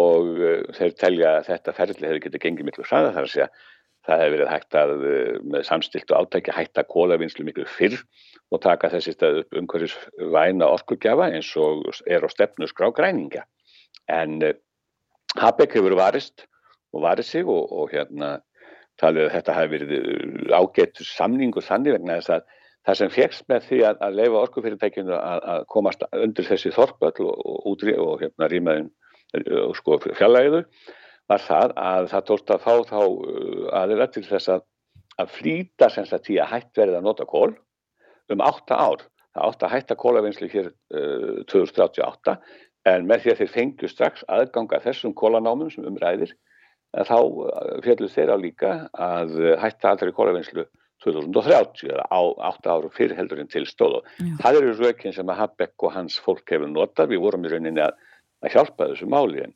en þetta er svolítið þetta er svolítið erfitt og náttúrulega umhverjusmálin eru jú eitt aðal málið í samtímanum og, og þjóðverðar eru alltaf að reyna að breyta eitthvað í þessu en, en svo er aftur hitt að það er ekki allir þjóðarleitur eða ekki alla ríkistjóðni að náhuga samar um þessu mál í Evropa eins og þau verður þannig að þetta er snúi mál Þetta er snúi mál, já. Erum við hér rétt í lokin, Artur Björgvin uh, ég kom upp um vankunnóttu minna í þýrskri tungu, hér rétt á þann uh, nefnum við að verja nokkur mínutum í að tala um uh, já, deilumál í þýrskri tungu?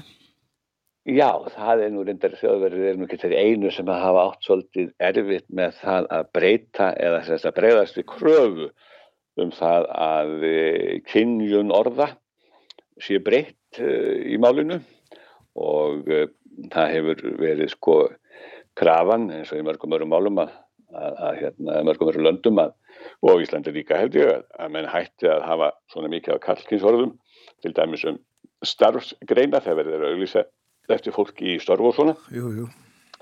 því það sem við því þekkið þetta þessi verður að mismuna konum þegar all starfseti eru kallkynns og svona.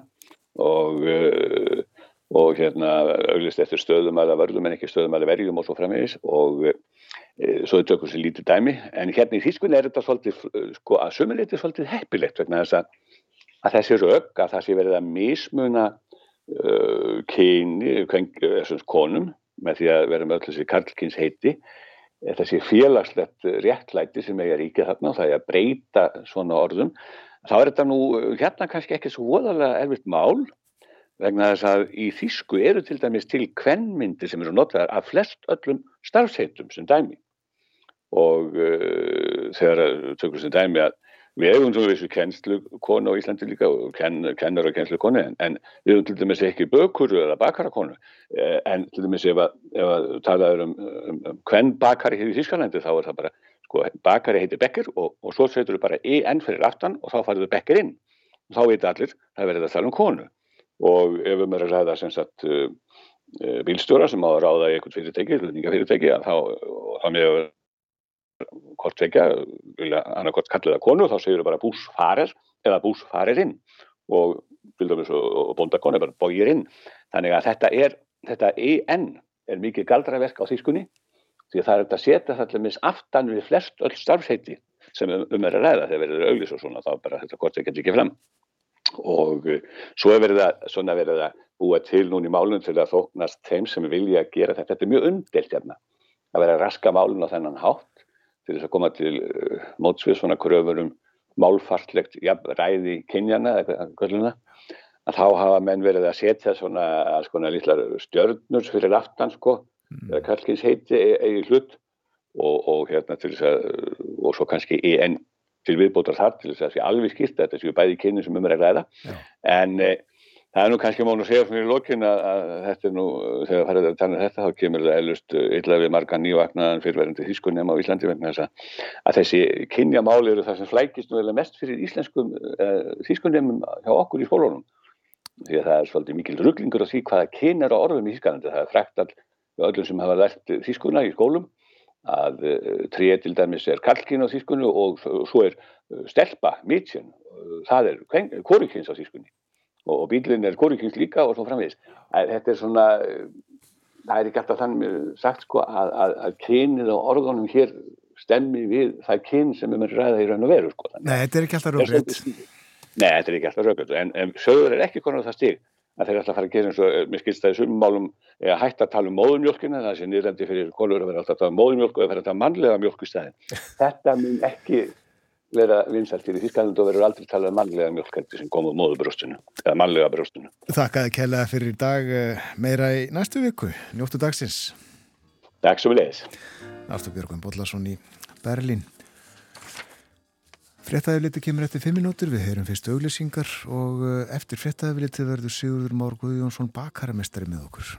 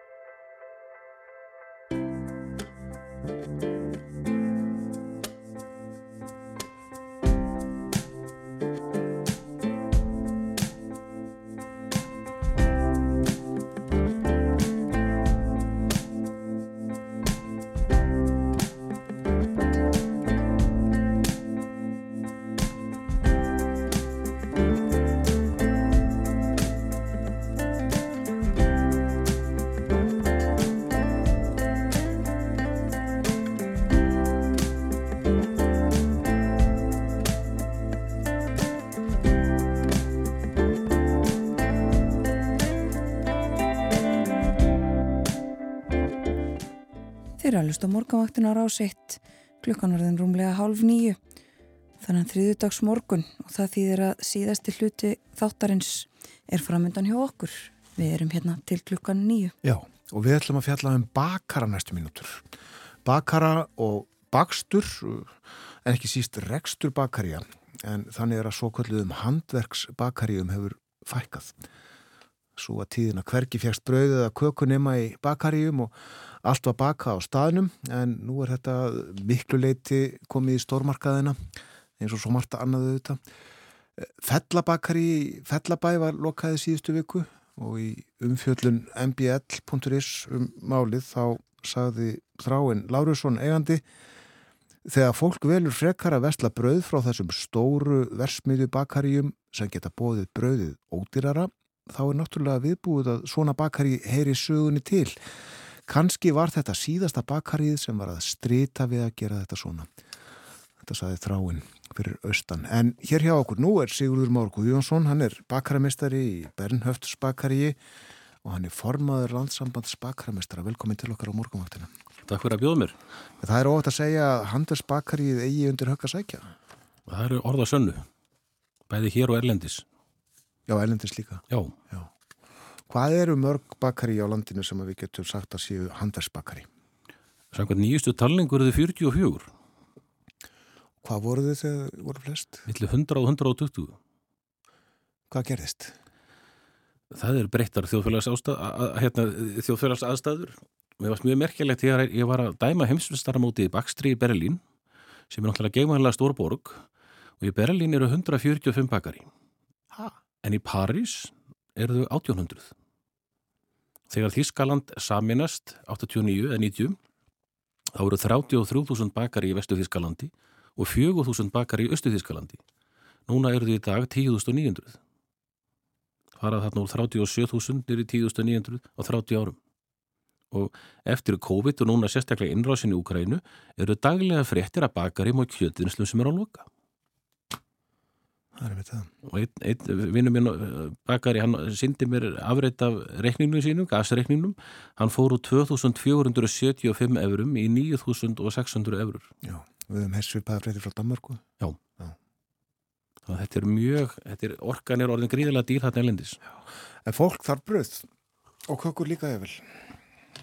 svo hefur verið neikvað umræða um brauð að brauð sé fitandi, brauð sé óholt og það skýtur skökku við þessar þjóður og frakkar sem eru nú mjög fitt og flottir borða mikið að hvítu brauði og tekkar Já, og það gríðarlega mikið að hvítu brauði. Viltu meina að hvítbröð sé sem sagt ekki óholt?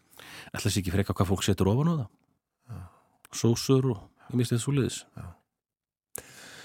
Hinga þeim 44 handelsbakari, heldur að uh, þeim muni áfram fækka næstunni? vonandi ekki mikið.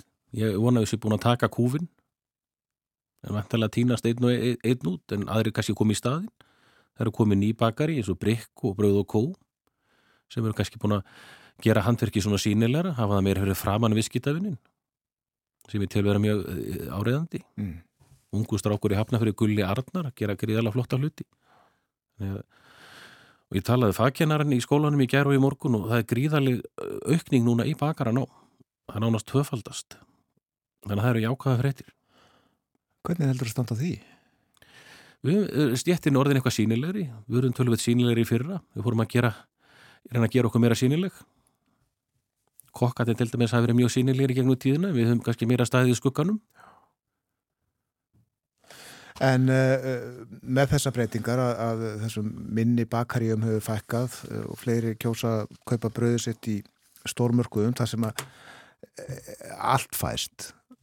Það er þægilegt, það er, það er ekki hægt að neyta því eru bröðin í, í stóru búðunum ódýrari heldur en í bakaríunum? ykkur og tilvíkum ég hef ekki gert nýlega, nýlega könnun á því en, en ég rakk augun í krónun en það var ansið nálat okkur í verði. Það svo er að selja þar. Er þetta þungur rekstur heldur yfirleitt að rekka bakari? mörgum gengur bara allt, allt í lægi en með kvartan náttúrulega undan launahekkunum og hráfnishekkunum, hveiti búið tvöfaldast í verði. Við vorum að vona að byrja að síga hefur ekki byrjað að síga í verði ennþá til okkar. Og ekki sigur heldur Og hefur verið þá á bröðunum hækkað? Eh, ekki sér því nefnunni margir hækkuðu þarna fljótlega eftir stríðið í fyrra og svo kannski ykkur núna örlítil hækkunum áramót út á launahekkunum en annars eh, á ég ekki vona á þetta hækki mikið meira. Það er mitt að, uh, já, 44 handersbakari, þetta er um fallegt orð, handersbakari, þetta er falleg yðin fyrir utan það. sér það eh, þessi gildi í- Berlín þá var bakarafélag 850 ára í fyrra Já. og það tefnilega 900 ára í Nürnberg þetta eru alveg svakalega uh, rótgróið og margir vilja meina það að þessi reynu bökur um að þakka, að þakka að við hættum að flakka um Evrópu og settust niður í kringu bakarópnun og fórum að borða bröðu sko Slík eru áhrifin. Jú, Já. Eh, Eimir enn af uh, þeim aðferðum og hugmyndum sem að menn höfðu uppi um, um bröð og jáfnvel kökur hérna fyrir 7-800 árum. já, kökurna komur náttúrulega miklu setna það, það kom ekki fyrir kannski 1500 þegar sigurinn fer að koma til Evrópu. Og, og þá verður til önnur yngri en kökugerð. Þannig að, að, hérna, en, en þessi súrdegsbröð sem maður gerir í dag er, er byggt á aldagölum hefðum. Það breytist, þetta náttúrulega lifandi efni kveiti og, og þarna eh, breytist lítið. Nema kannski við höfum meiri þekkingu og það er efnafræði sem er að baka við þetta Þannig að það er margt, margt þú ert að gera margt sem að aðeðan gerði fyrir áratugum í bakaríun, þau Bernhardsbakaríun. eru bundin, bundin í hefðirnar Já. komast ekki svo auðvitað undan þeim sko Nei, einmitt. Og uppskriftaði bækurnar orðin svolítið þvældar. Jú, jú, en þetta, en þetta er með baksturinn eins og annað að sko st- stöðnun er döiði og þetta þarf st- stöðut að vera í ykkur í framþróun en oft er framþróun svo að fara í það gamla aftur sem að gera þetta áhugavert Já. Akkurat. Já, en uh, góða fréttir segir já að, að bakra nemar hafa sjaldan verið jafnmarkir og nú. Og stelpur er meira hluta. Já. Það er jákvæmt líka. Já. Þetta var, var svona hrein og klár kallastjætti þegar ekki. Já, það er kannski meiri, stjættas, meiri kynjaskiptingi í delvis í Þískalandi og Danmörku vegna þess að uh, kökugerð er ekki kent nefn bara hluta til á Íslandi. Fólki þarf að fara til Danmörkur í skóla en, en stelpur í algjöri meiri hluta og ég sá til dæmis myndir þar sem ég lærði kökugerðum daginn, það voru á, á Facebook í síðustu viku, það voru bara stelpur. Við vorum þrýr strákar þegar ég tók próf en það voru bara stelpur. Þetta er alveg tvent, ekki kannski ólíkt en, en alveg tvent og aðskilið að vera bakari og annars vegar og maður. Grunnurinn er svo sami Já. en svo fer önnu greina meira út í brauð og hinn meira út í kökur og bakkelsi. Og þú ert bæði eða hvað? Margir læra bæði. Þetta er svo skilt, þó ekki alveg það sama. Þeir kalla þetta skildaðingrein og þeir veita styttingu á, á námstíma fyrir það sem er annarkot bakar eða konditórar. Og svo eru margir kokkar sem læra að vera konditórar líka. Þess að geta bættið sér eftir réttunum. Já.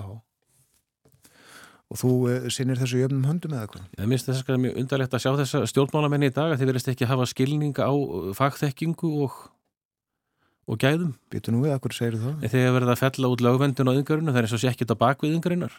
Já. Bakari er ennþá, Ennþá? lögundur. En uh, fórstjóri og- eða frangatastjóri og OECD hafði mikil orðum bakarastjættina og, fundi í hörpu. Jú, segð okkur frá. En það var uh, fengin, uh, það var gerð skýsla sem átti að kanna ástand byggingamarkaðar eins og Íslandi. En þegar uh, svo á kynningunni þá var haldinn, þá var hann með bakaraðin og ljósmyndun á heilanum, þessi fórstjóri og OECD. Og vildi, uh, vildi meina að þessar greinar væri þyrftu, þyrftu að fara, sko. Þannig að hver sem er mætti baka og selja. Já. Eins og ekkert vera bak við þetta. Já. En bakaræðin er fjagra ára nám, uh, mistaranámi teknilega sér tvö ár því það er eins árs uh, hlý á milli eða uh, vinnutími sem fólk þarf að vinna. Þannig að þetta eru uppbyttur hátt í sex ára nám. Það er merkild að gera svona lítið úr þessu.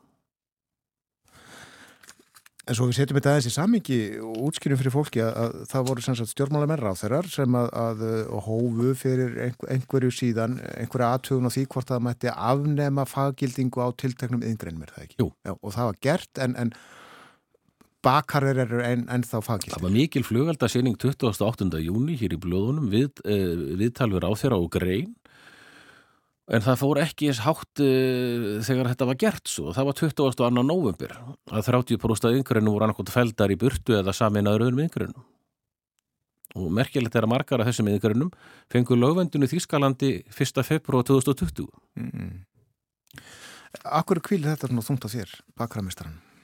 vegna þess að við viljum yðnaðalögur uppála sett til að tryggja mentun og fagmennsku og við viljum ekki starfa við hliðun á fólki sem er að fúska og framlega lélega vöru og kenna sér við starfsitt okkar það er hluti af því að, að, að þetta hýfa þetta upp á háan stall og, hafa hlutina eins og þeir eiga að vera En hvað fælst í þessu? Þessu fyrirkomlega sem við höfum. Má sér að enginn selja bröðuð á kökunum að hafa til þess réttindi? og ekki menta fólk heldur Nei. þess að fólki læri yðinin og læri handverkin læri grunninn þegar maður tekur sveinspróf þá byrjar hann svo sem fyrst að læra skilur þá hefur hann ekki afsökun hans í lengur nemi en hann hefur grunninn og við kannum grunninn. Og það er stjettin sem prófar fólk. Það voru hérna yfirlýsingar hjá ráðamönnum að það þyrfti ekki opinberan stimpil á pappýra það er náttúrulega faggareinandi sem prófa fagþekkingu tilvöndu kollega sinna. En það er rík, vissulega ríki sem stimpla pappýrin en það eru fagmennandi sem prófa og segja þetta sé lægi og svona viljum hafa hlutina. Og það er fullt atvinnufélags í landinu. Fólk það bara læra þess allra að vinna við því að endanum er það neytandi sem situr í súpunni þegar hann kaupir lélega þjónustu eða verkar ítla unnið það er vandamálið þannig að þetta helst allt í hendur og, og ákvöru að fara að breyta einhverju sem virkar Ég hef ekki kynnt mér uh, fórsendunum fyrir þessum ákvörnum ráðurans. Jú, það er atvinnufélagsi Það er atvinnufrelsi. Það er nú, númer 1000. hljóma nú vel. Jú, jú, en atvinnufélagsi er til staðar sko Já. og það er bara krafist þess að hefði þekkingu þess að ætlar að gera Já. Tölum aðeins um annað Sigurum ár. Uh, fyrir einhverju síðan minni mig að ég hafi lesið um að, að hinga til lands væri flutt inn í stórum stíl deig sem svo bara í opna hérna og útkoma brauð og kökur og fara í hillur. Er, er, er þetta svona? Það er svo erfitt að halda auðvitaðum þetta að þetta er svo viðtækt orðið. Þetta er, þetta er bæði forhefað, forbakað og svo bara deg sem er algjörlega á eftir að hefa og baka. Þetta okkur taldist til fyrir nokkur márun síðan fyrir COVID að þetta veri 14 tonn 14 tonn á dag. á dag? Já. Af degi? Degi eða, eða bakari vöru eða kökum. Þannig að þetta er gríðalur innflutningur. Og líklega smætti fram með þetta allt í landin eða verið viljið fyrir. Hendi. Býtu nú aðeins. Veistu hvað við hérna, borðum mikið magna af brauði og kökum á dag? Það er ekki til tölur við það, því miður. En hvað heldur þetta sé hátt hlutall 14 tonn á dag? Mesta brauðneslu þjóð Evrópur er Tyrkir. Þeir borða 400 grömma brauði á dag. Wow. En flesta þjóður eru kannski kringum 100 grömma á dag. Já. Það er mjög sterk hefði í Arabalöndum fyrir brauði. Það er gríðarlega sterk. En af hverju er svona mikið magna þessu flutt inn? Það eru margar ástöður. Þetta er miklu ódýrara. Til dæmis staðsta bakar í Evrópu sem er reyndar jafnframt í eigu eins að ríkasta manns Evrópu. Það framleiði 10 miljónir rúmstekja á dag. 330.000 tonn. Þetta eru, þetta eru svo gegvanlega tölur. Það eru 22 v- línur sem framleiða degin ánast allan sólarhengin og mannsöndi snertir aldrei á þessu. Hvað er þetta bakari? Það er í, í æslepin í fæðingabæði Martin Luther, Já, já. gamla Östuðískalandi. Hefur þú komið þákað? Nei, en vinum mun að heima þetta. ég vekkur þess að fræða að koma en ég fára þarna fram hjá í lestin ykkur tíman. Þetta er þokkalega versmiða. Þetta er stæðsta bakar í Európu, Og vörur úr því fara út um allt? Já. Já. sendum allan heim. Já.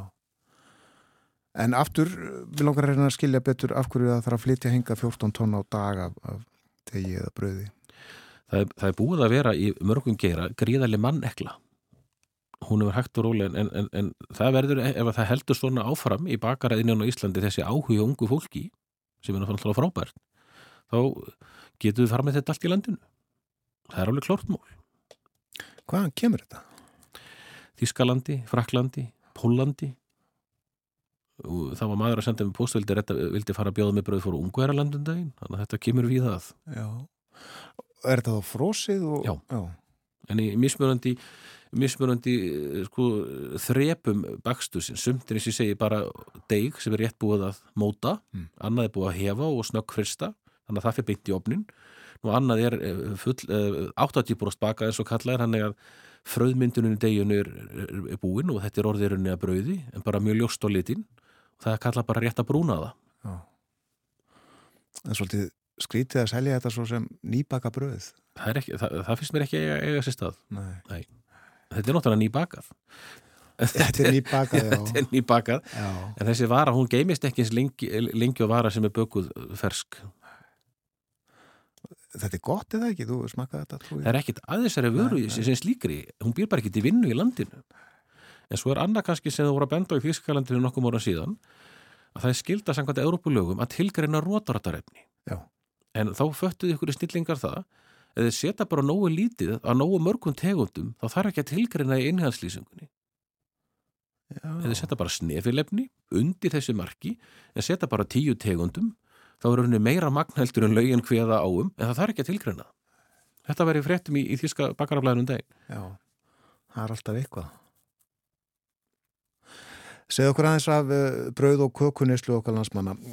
Breytist smekkur og, og, og svona, já, áhuga á þessu uh, eftir því svona hvað er í gangi í samfélaginu? Við fengum fyrir tíu ára síðan og fundi að landsabætti bakara vinstara Laufiðu Stingrisdóttur, doktor í matvælarfræði. Og hún talaði þá um að 1920 hefðu Íslendingar borðað 2,5 maltbröð á viku og hverju fjölskyldu. En nú er neysla líklegast hálfbröð. Þannig að það hefur dreigð alveg gríðalóð bröðunarslíðin í landinu. Svo er vantalega þessi aukning sem við erum að tala um, þessi 14 tonn, að þetta fyrir hérna á veitingahúsin og fleiri túrismann. Tværi miljónir uh, uh, hérna, umfram fólki í landinu. Já, akkurat. Las hér uh, snemma í morgun svolítið texta af heimasíðu ykkar í Bernjarsbakari og þar er hérlegaðum söguna og nefnda þarna þegar reksturinn hófst 1834 þá var og lengi framan af næstu ára eftir ekki baka nema rúbröð, siktibröð, franskbröð, súrbröð og landbröð. Hvað er landbröð? Mástu það? Já, veistu? landbröðurinn er, er, er rúblanda blöð. Baka beint og steini. Já. svona, svona hleyfar og bakar það svo leiðis í dag Já, reyndar ger ég það einstakar sinnum en siktibröð, Siktibröð normalbröð það er normal Já, það er danska nafna á normalbröð já, já. Ég veit ekki okkur að við kölluðu á normalbröð en með verður þið náttúrulega normal að því að borða það og svo að baka hartbröð, skonrogg, tvíbökur og kringlur. Það fór mikið í skipin. Já, Geimdist lengi, búið þurrkaðam akkurat. Og hunáskökur voru á bástunum og þurrarkökur. Þær voru seldar á tvo eira. Jú, jú, tveggja eira kökur. Þeir fara þarna upp úr 1900 þá fara þær að fara til Danmörkur í, í kökugerðanám og svo Björn í Björnsbakari og Daniel Bernhoft líka sem afi kipti svo af. Hann fyrir upp úr 1900 út þannig að sér frekar í mentun þannig að þá fyrir kannski vörúrvalið svona aukast þeirri fulla alvöru. En hefur dreigið úr, úr uh, neslu á vínabröðum og snúðum og, og þessu gummilaði öllu? Nei, nei, ég myndi ekki segja það. En til dæmis súrdegsbröð er pláss frekar í hilluna hjá okkur. Taka meira pláss og eru vinsælli. Já. eru þau alveg betri heldur en það segja það margir að þau færi betri meldingu já, og uh, fólk er meðvitaður um gæði. Það vil hafa hlutina um íslensku smjöri er það líkilatriði það það er mjög gott. Já, mjög gott smjör. Hann var hérna, við vorum í heimsting bakara hérna 8. og 9. september í Reykjavík og þá komu hérna margi menn meðal hans þessi skólastjóri Þíska bakara skólans og formaði franska bakara sambasi hann var greiða lánað með krósandi í öslensku bökurum. Það verður alveg eins og í París. Já. Vildi mér þess að fá að grípa í hjá mér í bakarínu var hann ekki bara að reyna skjalleikur ég trú ekki að þetta sé alveg eins og í París. Það veit það ekki. Borðarum ekki bröð sjálfur? Við gerum það. Og hérna mér finnst algjörl ómisandi með öllu mat. Já. Borðarum bröð með öllu mat? Er nánast. Þannig að hérna, þetta er náttúrulega uh, þetta er svo mikið fóður fyrir heilabúið hvena byrjar dagurinn hjá þér í bakaríinu ég vakna á fjögur, já, mættur upp á hálf fimm. Mm og svo er ég fara þetta í degi. Hver eru svona fyrstu handtökinn og verkin? Það eru koma að setja súrdeisbröði í gang og setja súrdeisbröði í opni sem var búið að undirbúa deginum áður og hefa yfir nóttina.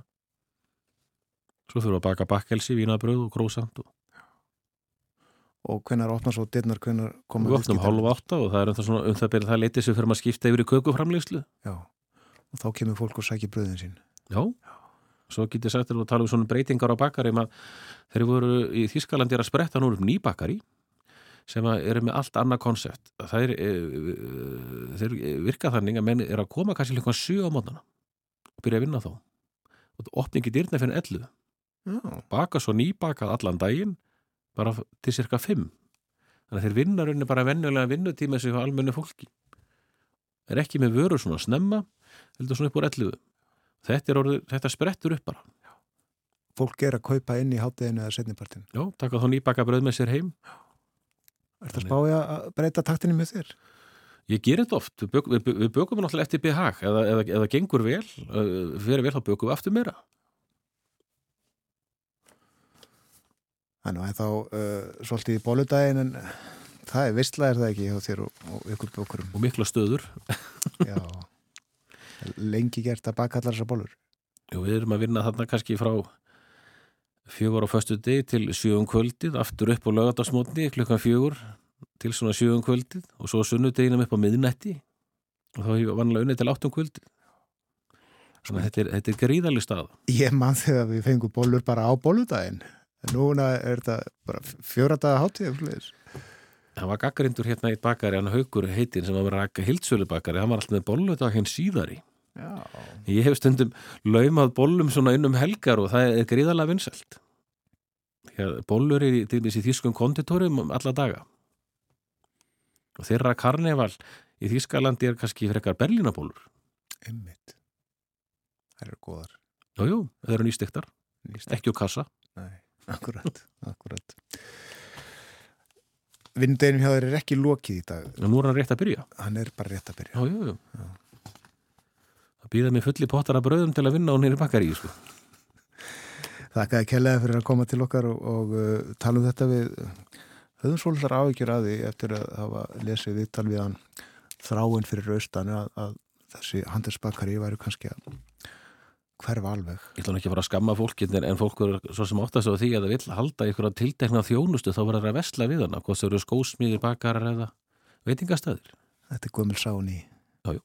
Takk að kella fyrir Sigur, Sigurður Már. Sigurður Már Guðjónsson, hann er eins og Frank kom bakaramestari í Bernhofsbakari og hann er líka formadur landsambands bakaramestara og eins og ég sagði frá, þá var hann í höst valin kökugerðamadur ársins á heimsþingi bakara og kökugerðamanna sem þetta gott að bröði og bakstri í bíli en uh, já, klukkan er alveg að vera nýju og þess að ljúka hjá okkur þorun þennan morgunin Jú, það liður að því. Við komum við að við. Snemma í morgun var hjá okkur Þorður Snær Júliusson við rættum um ímislegt sem við kemur efnagsmálum og samfélagsmálum.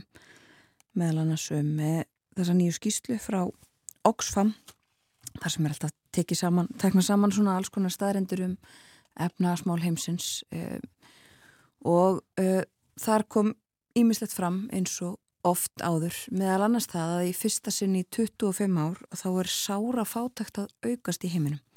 Samlega því að uh, ríka fólkið verður ríkara, þetta allra ríkasta eina prósent sem að tók til sín uh, saði þóruður okkur tvo þriðju alls uh, þess auðs sem að hefur orðið til síðan að kórunu veru bylgjan fyrsta skall á. og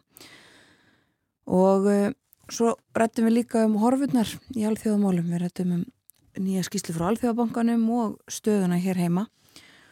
Svo var með okkur Artur Björgum Bodlason. Við fórum yfir þýsk stjórnmál og uh, sitt hvað fleira. Og nú síðast þá rættum við um stöðumála í íslenskum bakaríum, handverksbakaríin og uh, það var Sigurum Orgu Jónsson bakaramestari formadur landsambands bakaramistara sem að fóri yfir þetta allt saman með okkur. Hvað saðan, 14 tonn af brauðmötti sem eru flutt til landsins á hverjum degi. Það er ekki eitthvað slúðis það er ofbúslegt magn.